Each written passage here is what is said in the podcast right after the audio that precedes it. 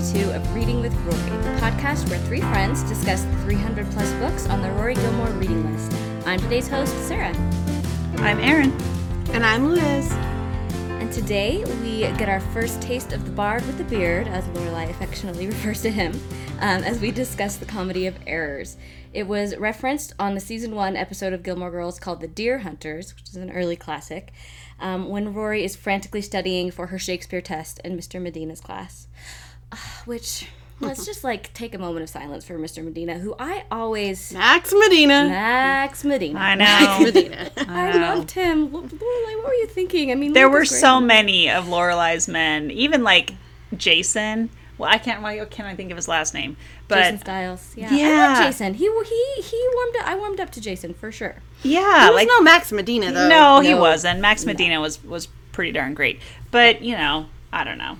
He was a dreamboat. Um, here's a little clip of of Lorelai helping Rory study for her Shakespeare test, and they're talking about the comedy of errors. A Comedy of Errors, written, 1590, published, 1698. ooh, 1623, close. How was 1623 close? You got the 16 part right. I was off by 75 years. Well, anything under 100 is close. What kind of a rule is that? I'm running the study session here. So, but I do Talk have about to take, validation station. How did she help Rory know. study? close. Good job. You were in the right century. Um, although, from my research, it, it was not written in 1590, but we'll give it close enough. I think I was it going to say that's an awfully long space in between when it was written and when it And was published. published. Well, it if was- that's it was actually That's one what of his earlier written. It is. plays. It's like his very first comedy, and it's definitely from his early period. It was probably written more like 1594, 95, so it's kind of a quibble. So we'll give it to him. But and it was performed before 1623, but it wasn't published until the first folio was published in 1623. okay. So, but anyway, speaking of a taste of the bard, let's talk Friday night dinner. What are we eating this time around, everyone? Erin? Well, so I I need a little bit of, ex- of a story here, which I probably don't, but I feel like I do. I Um, love a story. I know, right? So we, I, I'm for July 24th, which in Utah is a very big holiday. Um, I needed to figure out a way to keep a whole bunch of popsicles and or ice cream frozen for a significant amount of time in a cooler without melting. And I was anyway, so I conducted this experiment where I took a cooler, put a whole bunch of uh, popsicles and ice cream in there, and stuck it in my backyard in the middle of the sun, and I left it there for about 26 hours. And I kept them frozen the whole time. I was so proud of myself. Um, and it's a combination of dry ice and regular ice. You can look it up online if you're curious. Anyway, but what that means is that I now have a whole bunch of popsicles and ice cream that are just sitting here because I had to use them for the experiment. So I am currently enjoying a raspberry creamy, which is like delectable. I had no idea they even existed, but I saw them at the store and thought I should throw them in the mix. And um, so I'm having a raspberry creamy with, of course, my diet A and W root beer, and I'm thrilled. Judge me if you will. I'm No always going to judge you for the diet A and W, but funny story, I am also having a popsicle, so I think that that's great. It is July. I mean, it is so- July. yeah. Yep, mine's a mine's a strawberry outshine bar, but uh, it's I feel like popsicles are popsicles, and we'll just you know all enjoy that summery treat together. What about you, Liz? Um. Well, I'm having like a yogurt parfait, like a little bit of Greek yogurt, some granola, just a little. I like that you called it a parfait to make it seem. a I know that was very fancy. what what but what brand of Greek yogurt? Because there is hot debate on the different I know, brands of Greek I- yogurt. Are I you a don't know what Chobani it's called. person? Are you a Fage person? Like where do you fall? I mean, it's not one of those. I don't even know what it is. it's just like, Or did you go for I- the Icelandic? The what is it? think I've The been a big fan of the Icelandic yogurt. Yeah, I know what you're talking about. hmm The, I know. I I've seen all those. Nope. Mine is just like the. It's in like the bigger tubs. Like I'm not buying like the little single serving. It's like one of the bigger ones. Do you know what I'm talking about? I, don't do. know what the brand is though. well, they all come Um, in bigger tubs. No, I They know. do all come in bigger tubs. The Fage and the Chobani and all of that also come in bigger tubs. Well, clearly I'm not knowledgeable on my. Liz is Greek- apparently a Greek yogurt novice, so we'll give we'll, That's Well, okay. I- We're not judging. no. Oh, cool. Uh, Thanks for not judging me and my Greek yogurt. Um, I am having some almond butter um, granola though. That's pretty good. So Yummy. That does sound really good. Yeah, I mean it's no. It, I I'm, I wish I could be f- fancy or bougie or snobby about my yogurt, but it was just really good yogurt. So We would it was like a honey flavored one. It was pretty good. Yum, yum, yum, yum. Mm-hmm. right, I like it, you guys. Some good summery treats here. Okay. Nothing, nothing like heated and baked anymore. yeah. Can't do that when it's 100 degrees. Seriously. Um, not my favorite. I don't love the the the um, lazy, hazy, crazy days of summer, as the Gilmore Girls would say. I, I am get excited for when the weather cools down. So, um, but popsicles will get us through this. But anyway, on to our synopsis. So, um, a little. So we should mention this is the first appearance from William Shakespeare out of 14 on our list. And so we will come to know him well by the end of this endeavor. Sadly, though, of all, like, we're doing 14 Shakespeare's, and I mean, I guess, like, I think total his collected works, there's like 37.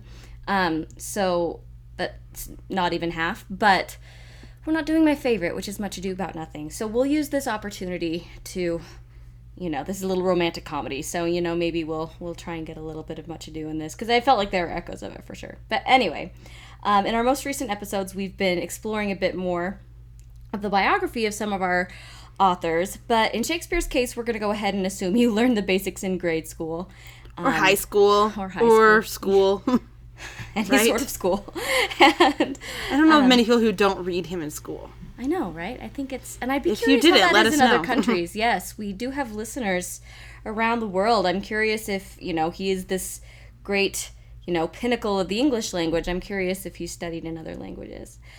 Um, but no one here is a Shakespeare scholar. Um, but we will do our best to try and shine light on new angles of his work in an attempt to see it in new and hopefully interesting ways. So I want to do a quick shout out to the Utah Shakespeare Festival in Cedar City, Utah which is a 60 year old Utah gem. And it's like a legit world class Tony Award, Emmy Award winning Shakespeare festival. And their website, uh, bard.org, is a treasure trove of interesting resources and um, one that I definitely took advantage of as I was preparing for this episode. And I especially appreciated their study guide on the comedy of errors. Um, and so we'll be sure to link to that on our website. Um, as we will be referring back to it aplenty, I am sure. Um, and it's also where this episode's synopsis comes from which tells us it's a little long, but thought it was a good one. So bear with me here. And So it'll be good because they have to like really help your audiences understand what's happening yeah, Yeah, when they perform I- them. you can't give too many spoilers in Shakespeare. It really does help. it's so true. I Um, like it. All right. So it says Aegeon, um, or how did you say his name? A- A- Aegeon, right? Aegeon? Who knows? Anyways. Aegean works for me. A- Aegean. Aegean, a merchant from Syracuse, is apprehended in Ephesus and condemned to death for violating a law that bars commerce and travel between the two cities. The only way he can avoid the penalty is to ransom his life for 100 marks, a sum he neither has nor has any way of raising. Solinus, Duke of Ephesus, asks the old man why he was traveling in the hostile city, and Aegean responds with his sad tale. Over a quarter of a century earlier, Aegean and his wife, Emilia, became the parents of twin sons, and they soon followed that by buying another pair of twin boys, born, quote, that same hour, to be slaves for their own sons. They named both sons Antipholus and both slaves Dromio, which will become problematic later. I see a couple problems so far already mentioned, but keep going. well, the- Yeah, we'll talk about this. I We'll talk about this weird. because it's not clear about when the naming takes place, but eventually they are both Or named. that they bought them for their slaves. yes, that's also also upsetting. Um, and this is based on a on a Greek uh, classic comedy. P.S. Um, uh, okay, so in a shipwreck. Several years later, the family was separated. Aegeon, with one twin son and his slave, was rescued by one ship, and his wife and the other two twins were rescued by another. Eighteen years later, the Antipholus raised by Aegeon left Syracuse, along with his slave, Dromio, to search the world over for his lost twin brother. When Antipholus and Dromio did not return after five years, his aged father set out on his own to search, wandering vainly, only to be arrested and condemned to death in Ephesus on his way home. Duke Solinus is moved by the sad tale and grants Aegeon a reprieve until sunset to borrow the money required for his freedom. Meanwhile, unknown to any of the other characters, the Antipholus raised by Aegeon, now known as Antipholus of Syracuse, if you guys are confused, don't worry. you should be, arrives in Ephesus with his slave, Dromio of Syracuse. Also unknown to anybody but the audience is the fact that the other Antipholus, now known as Antipholus of Ephesus, is already living in the city with his wife, Adriana, and the other slave, Dromio of Ephesus. The stage is set, and a series of comedic errors begins immediately and mounts throughout the play. Hi, And Jinx. yes, Hijinks ensue. mistaken identity hijinks. So essentially, what we have here, if that was confusing for you, was I read the play, and that was confusing to me. um, what was funny is that was like the clearest and like most clearly stated by far of any of the of the synopses that I read through. I was like, man. So now as I read it, I'm like, but this does not make it clear at all. You have two sets of identical twins who were separated in a shipwreck, and one and they're all and they and they each set has the same name. So when they end up in the same city and they don't know that each other's there, there's there's some hijinks, right? How Some- about hold on, half of a set. So like Right. one from one twin set and one from another twin set. So the two people that are together in each place are not twins. are not twins, but they Yes. have a twin that is lost to them. There's With one right. set of name. twins named Antipholus and one and one set of twins named Dromio, Mm-hmm. and both sets are separated, and then an Antipholus and Dromio wind up together from Syracuse, and an Antipholus and Dromio wind up together from Ephesus, and then They come to Ephesus. they come to Ephesus and they meet up and people get them all mixed up with each other and there's there's lots of confusion. Antipholus of Ephesus's wife thinks that her husband is no longer in love with her and is cheating on her because she He has you know, no idea who she is. he has no idea who she is and is like, "Who are you? This crazy." But of course, I'm not going to come to dinner at your house. Like, Well, and, and also woman. he, you know, um, hits on her sister. and he falls in love with her sister, and Right. the sister's like, "This is weird that my brother-in-law is making these impassioned, like, um, fallen in love at first sight speeches to me." But okay. I mean, it's confusing. Also, Um, side note, I think it's Ephesus. I think it's based on like Ephesians, like the Bible is in Greece. Yeah, but Ephesians comes from Ephesus, not Ephesus? not Ephesus. Yeah, it's Ephesus. Ephesus. That makes sense. Shit. Do I need to read that all again?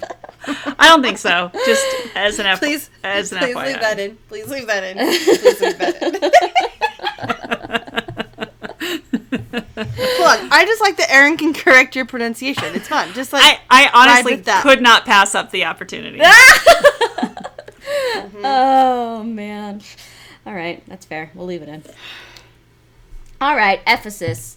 I guess you know. Like I just in my brain, I was just hearing Ephesians every time I saw it, so that was where it was coming from. Um. Okay. So mistaken identity hijinks. It's quite the premise, but we can't totally blame it on Shakespeare. As I mentioned, he was, um, as with many of his works, it's an adaptation of at least two existing classical comedies. Um, one that kind of takes the separated twins element, and then another that has like the shipwreck element and kind of combines them together and makes this this new thing. And again, it's one like a of his mashup. yeah. Um, here's a quick note from an article in the study guide that I found that tells us a bit about its first performance. That it was first staged in 1594 at Gray's Inn, London. Um, the Comedy of Errors was probably Shakespeare's first comedy, and at only 1,777 lines, it is his shortest play. Critics contend that it was deliberately short to precede him like a masque or a jig. The young playwright, who's only 30 years old, intended it as part of a nighttime revelry of Inno- Innocents' Day, um, which was December 28th, um, which would encompass dancing, drinking, juggling, other festivities inherent in the Christmas season. A contemporary reports the princes and the Lord Mayor of London were present but left before the play because the party became too wild. So, sounds like a fun night for, for its big premiere. Um, we'll get deeper into its language, its ideas, its legacy, but first I want to hear how we all liked it. What did we think? Erin, I'm curious. You you you you had some you were dropping some hints before. What did you think of this? I'm so curious. Well, I liked it. I thought it was fun, and I could envision it on a stage uh, done in true Shakespeare style, and um, that would be. I'm, you know, and I'm sure it would be very funny. I have a hard time reading plays sometimes because I can't often read in the staging or the actual performance of the play. It's hard for me to do that because I am a horrible, horrible actor. Nevertheless, um, I I thought it was funny. The it drove me a little bit nuts that nobody thought, wait a minute, what if there's a doppelganger in town? Well, especially because Yeah. Antipholus and Dromio of Syracuse were on the journey explicitly looking, looking. for their long lost twins. I know, So- I know. And so there there were there were moments where I was like, okay, Antipholus of Syracuse, you must be an idiot because if this woman is treating you like her husband and has no idea why you are not acting like it, that should be a relatively clear sign that He blames it on going on. sorcerers from Lapland, okay? I know they all they blamed everything on sorcery, which uh, for comedic purposes in a play, I'm sure would be very funny. But it there was a little part of me that was like, okay, We're gonna get into this. somebody needs We're to gonna- pause here. We're gonna get into the willing suspension of disbelief. Don't you worry. But Liz, oh no, I want. Do you have a Do you have a rating for it, Erin? Like, Oh, do I have a rating? Do I have Yeah. a rating? Um, ooh, I actually didn't really think about a rating. I mean, you know, Shakespeare is. I feel like Shakespeare generally is pretty good, so it's hard for me to rate it low. I'd probably give it a four. all right, that's good. Pretty decent. I like that. Liz, what did you think? Um, I mean, if we're looking at like Shakespeare as a whole, not my favorite of his. I I just didn't like. There's other Shakespeare I would much rather be reading or spending time with, but I did have some fun reading it. I guess. Um, I was laughing at some of the scenes because I'm like, this is just too confusing.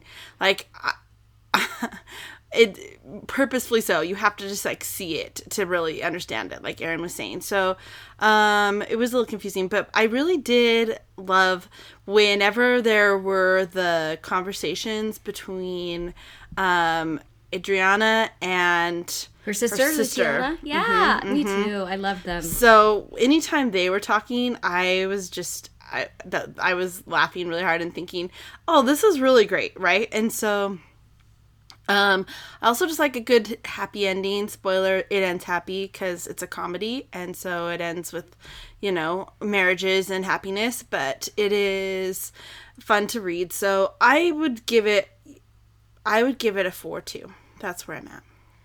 All right, I like it. I think I'm about where you guys are at. Also a four. I thought it was fun. I thought it was funny. As I was kind of, I had, I had never seen this. Um, I'd never seen a play of it that I'm. I'm trying to think if I'd ever seen it at the Shakespeare Festival in the times I've been.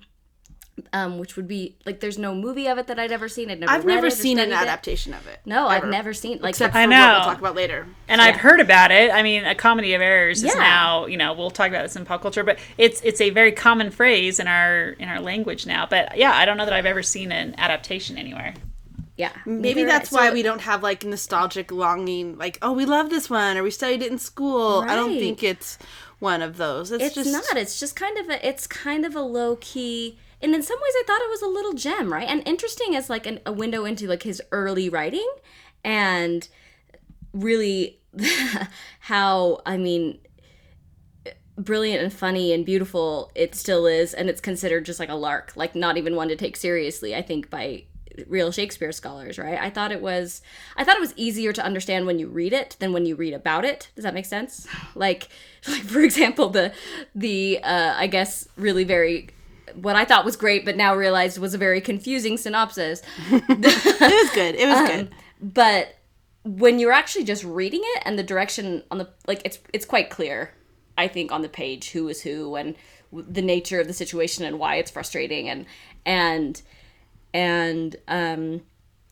and it's funny. And there's also like it's so short and brief. You're not given much time with these characters but they're still so like beautifully human. You know what i mean? Especially talking about the sisters right? And i there was some problematic stuff. I mean the slaves i just i mean wow. But um and like the the Well, the fact that he would like beat this slave. Yeah, I was just about to like- say that. He's like, this is normal. This is how he always treats me. I'm and like well, that's ha ha. and- That's funny. And the other's like, "Of course you beat me. Look at my face. Like it should be like ink on a parchment. You can tell I've been beaten by you." And he's like, "I don't know what you're talking about." I'm like, "Ah, this is making me uncomfortable." But um, but it's played for laughs. but it's played for laughs, yeah. And on the whole, I do think it's I think it's a success, and that I do think it's funny, and I think it's clever, and silly, and it's a farce, right? We're gonna talk. I want to talk a bit about like the idea of a farce and the idea of you know this these elaborate situations that have to be created in order to make this funny. So I want to start by talking about this idea of the willing suspension of disbelief. This is kind of the first thing that you study in a humanities class, right? Is it is and I and I think that is such a foundational principle for art, right? If if for you to be able to enjoy something and take it for what it is, for what it's offering you, you have to be able to realize that this situation is ridiculous. This is not gritty realism. There can be elements of realism and elements of like human, like emotional realism, but you have to just kind of take the premise for what it is. And I think is is it harder to do that? Like, does that come naturally? Like, does that come more like? How do, how do how do how do you guys feel about that in general? Is that something that you have that you find easier to do in some cases than others? Do you think it's more of like a success of the of the work if you're able to just be like enveloped in this world without being like, "Now wait a second, you should just know," even though you know what I mean? Or is it on us as the reader to be like, "Nope, I need to I need to let my hackles down and just take this for what it is." What do you think? Well, I think it is a little bit on the reader's um, sh- shoulders to do, right? I think an author has to build the world and set it up, right? But I think you have to be able. There, I mean, that you have to be able to just kind of go with it and not nitpick it. Like, there's always going to be the element of you that's going to be like, yeah, right. Why would they? Like, I mean, there were some elements with like the names or something like that, The where you're like, Why do they have the same disbelief, That's hard to hard to get around. But it really tested my ability. at the on same this one to do time, you have to just kind of like it when you really want to enjoy it. Like you just can't let that logical You kind of have to go with it, right? sometimes but sometimes that's hard to turn off i totally get it so i almost think it's almost up to the reader's mood or personality types. Like some people can do it easily and some people can't right? It's be, think about like in a musical if you've seen a musical and you're like why are they singing all of a sudden? Yeah. well some people just go with it and it's no big deal and some people it takes them right out of the situation. And it's not the same sort of willing suspension of disbelief but it's like the willing suspension of like just not having to like make sense of everything logically, right? Mm-hmm. So I don't know. Yeah, and I like I noticed I definitely tried to do that when I was reading through it where it was like, all right, I recognize that Antipholus of Syracuse should have known exactly what was going on at very at like really early on Early in this on, program yeah. here. Um, also, why is he separated from his father and his father is now suddenly going to be beheaded and no one seems to be worried about that? Se- separate issue. But that no, that they do explain that. Like it's like he told his father he's like when he turned 18 he wanted to go find his brother so he let him do it and then his, he never came back so the father went to search for him and then he was like got lost Yeah. and- Well, but also this whole thing about like you're Syr- you're from Syracuse, you can't be here in Ephesus, like we're going to behead you. But no one seems to mind that and I guess they think that Antipholus is not from Syracuse. But Yeah, anyway, the real like Antipholus. the there I I kept telling myself like relax, let it go because the comedy is not necessarily in the logic of the situation, it's in the absurdity of the situation. And that's really where the story is funny. And so just go with it. Like just let the absurdity play itself out. And, And they almost have to um, do two more absurdity. I keep the absurdity on Yeah. in order to really like, okay, I'm just gonna like, okay, that's too much. I get it. Now I'm into it, right? Mm-hmm. Yeah. As opposed to just like a little bit of absurdity, and it's hard to really grasp what that is. But when it's a lot, it's easier to take in. It's like, I don't know. Yeah. This made me think as I was reading about it, um, you know, read something describing it as a farce, which in some some people would say that's kind of like like a pejorative, right? Like I was just a farce. But like describing a farce meaning like this like causal chain of reactions that like these essentially what we would now what is probably almost literal definition of a comedy of errors right? These situations that pile on top of each other that just create so much opportunity for misunderstanding and that can just be so funny. And as i was reading about that i immediately thought of the code of the Woosters and all these like so ridiculous situations that just pile up on top of each other and you have to kind of untangle them until everyone can kind of have this happy ending. And like how perfected it was for that. For me we all talked about how much we all loved that book right? And how funny it was. I didn't think this reached quite the comedy heights of of something like that where it's just like hey i gave you this chain but where is the chain? I don't know. You didn't give me a chain. Like it's not that the- funny But the dramatic irony is Yeah. that the audience knows, right? Right. So It's- that's almost the farcical part that like we know, like we're in on the joke and we can watch it happen. Just kind of like we're in on the Code of the Woosters joke, right? Right. Like if we were, it- it's just that dramatic irony. it's the same kind of thing I was thinking of that made me think of Much Ado About Nothing, right? Like, um, since we're not going to get to it, sad. I mean, I love that so much. I love every iteration of it I've ever seen, ever read, every movie, every play. It's so wonderful. And um, just to me, kind of like the perfect romantic comedy, right? And, um, but the idea, like, literally right there in the title, the audience knows the whole thing, that they're all, the whole time, that you know everyone's all worked up over something that that the characters don't see but the audience sees and i think that you know he he had perfected it more in in that but it's essentially the same the same notion as what's happening here right Yeah. I'm and I can only imagine it being performed on stage. But they would how would they really show that they're twins? must be you in their what I'm saying? costumes Yeah, I wondered that too. Or they'd ha- they give them facial hair, or they do things to disguise them enough Yeah. that they looked, you know, similar. Okay. That's also one thing Because thought I think was that would probably take a why you willing haven't suspension. seen a lot of adaptations of it because, you know, maybe for a long time, like in the movies, they didn't have the technology to like where are you're gonna find two sets of identical twins that are acting. You know what I mean? um, Well, that would be another willing suspension of disbelief. As you're watching it, you're gonna like, oh yeah, those guys are twins. Okay, I buy that. We just need Fred and George from Harry Potter to do a comedy of errors, and we're good. yes. I like it. Good idea. oh, Fred and George.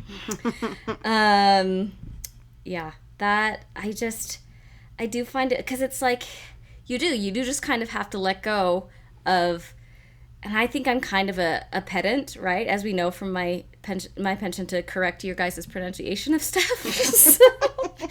Um, What? you don't know. What are you saying? Um, so sometimes just like it doesn't necessarily come as easily, but it's to to again that willing suspension of disbelief and.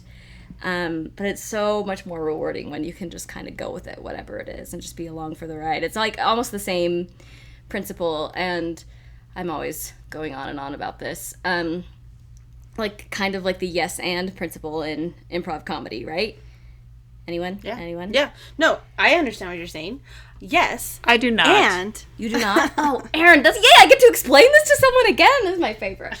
so um so no, the idea of yes and and, and it's been written like Tina Fey wrote about it in her book and Amy Poehler kind of I mean, her book Yes Please is kind of a, different take on yes and, right? So the but it, they're both coming from an improv background.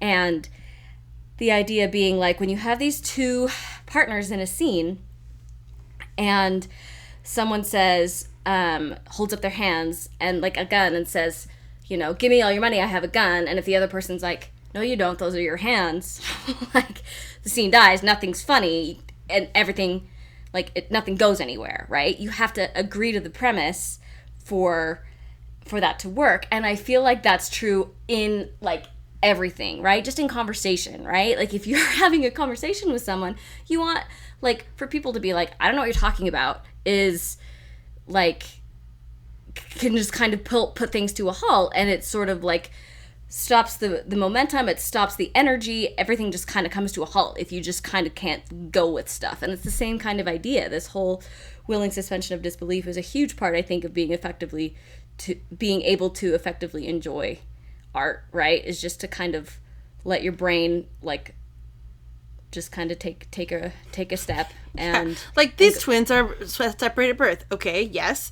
And they They're- um, they're at the same name. Okay, yes, and, and- right. Yeah. Oh, and, And the their and dad's part, the them. and part, I should say, I didn't explain that. I just explained the yes part. Um, the yes is like you agree to the premise, and then you build on the premise together. So that's where the improv thing comes in. It's like, okay, give me all your money, and oh no, why is there like, how did you get here in here on a donkey? And then the other person has to kind of play off your situation and build on it, and so you're kind of creating this space together by like mutually agreeing to each other's stuff and then uh, building upon it. And it just becomes so much more fun and and dynamic. And i think art in general is that way right? If you respond to it by just yeah i'm up for it. Let's go for it you know? And i think that for something as ridiculous as this you just have to be up for it and it's so much more fun if you are Yeah.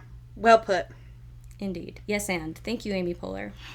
Um, I mean, that's become almost a cliche in a lot of stuff where people are like, "Oh, yes, and right." Like my brother said, he heard about it in some kind of like a like a professional like communications like conference. So like you know, it's been you know kind of I mean, I heard about it in a teacher's development. yeah it's it's become it's become kind of i think a little bit of a cliche but i do think it's and what and what they talk about is like you know kind of using that principle to organize your whole life and it does i think it applies so broadly which is so which is so fun so we'll try to yet we'll try to adopt the yes and um, mantra here on on reading with rory but let's let's keep going so um Okay, so were you able, as we talk about all this, like, were you able to kind of get past the like the ridiculous premise, the the silly hijinks, and see any, like, were you moved at all by it, like, or like, were you able to get? I guess were you able to get anything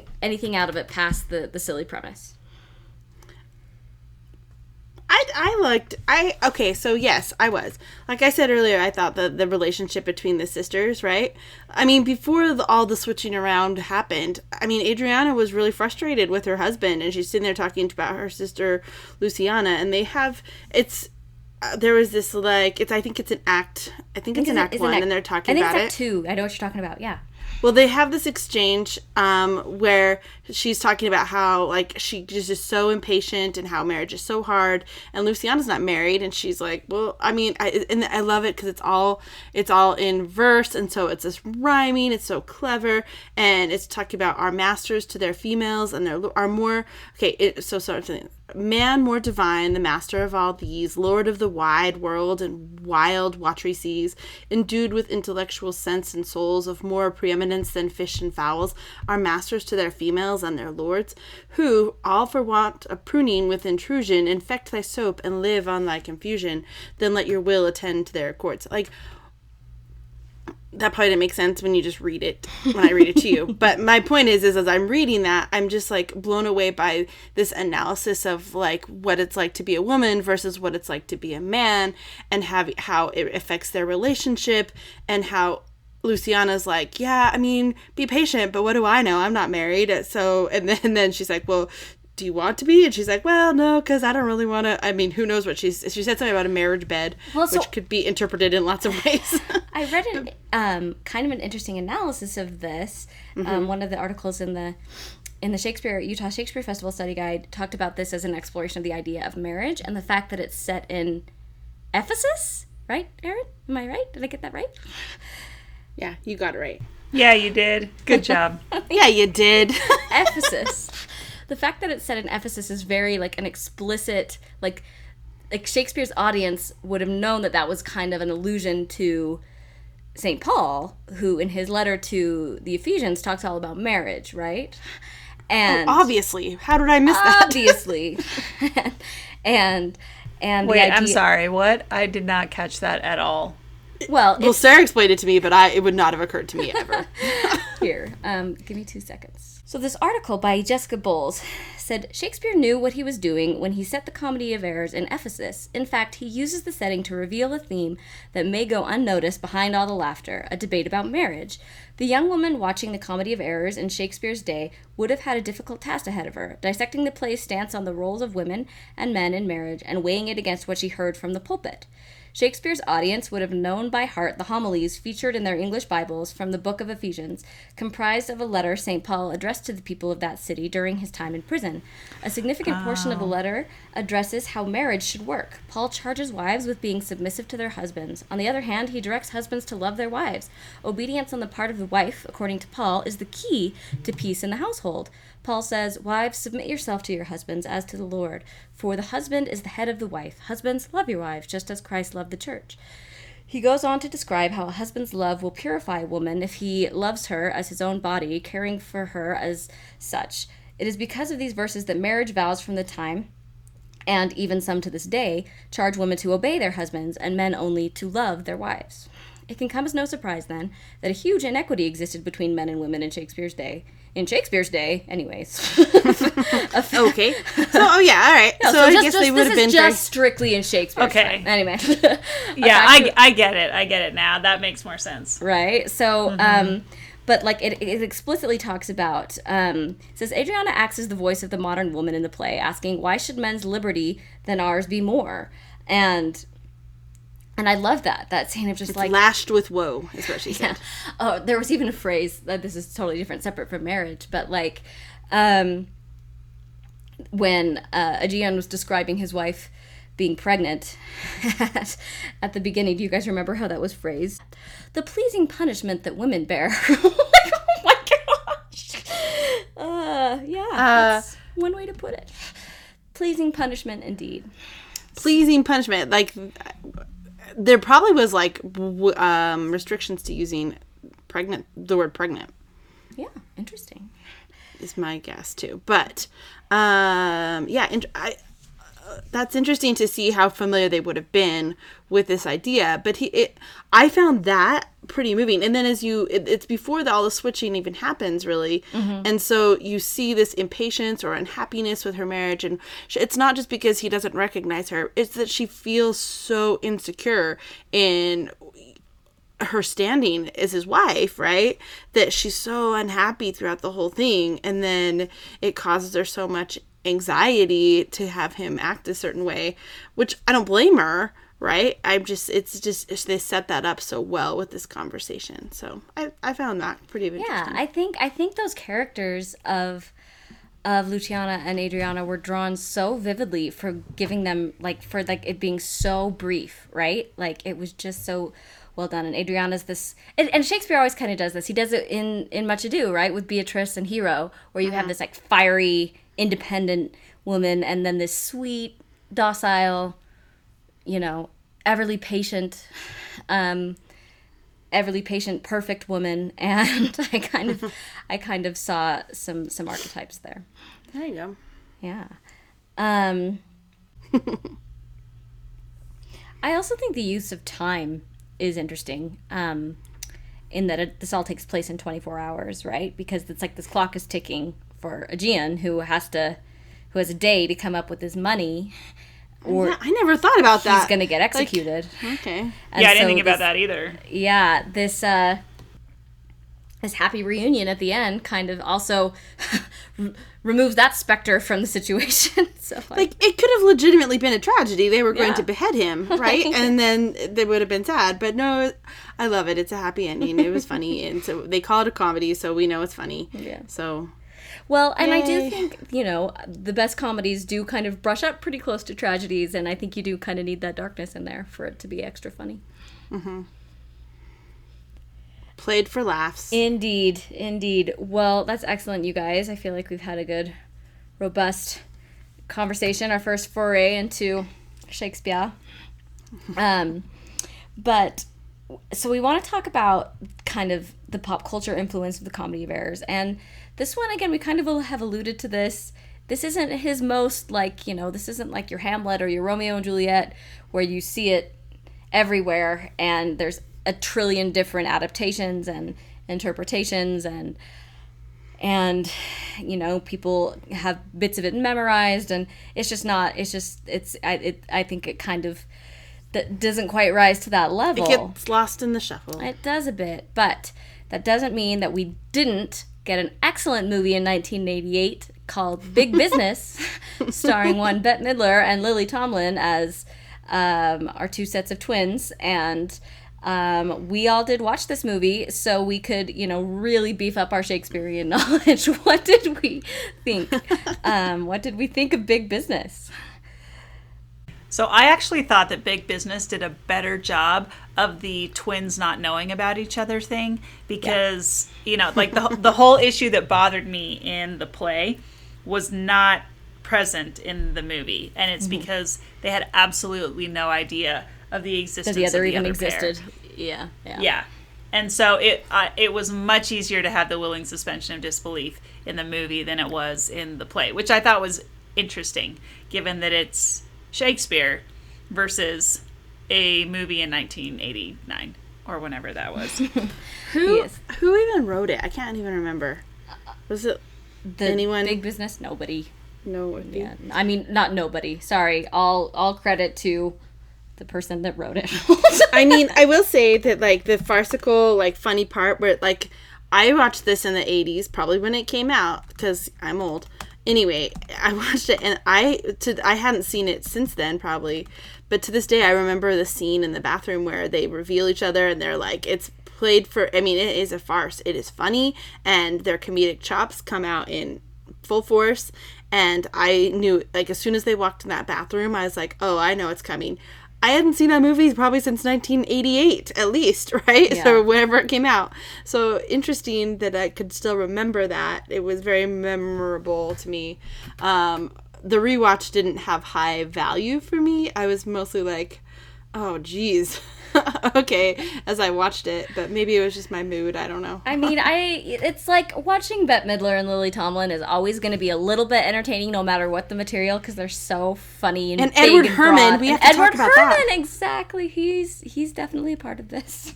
A mysterious part. yeah, and he's super young and I was like, "Hello." Anyway, Richard Gilmore. That's all. I know.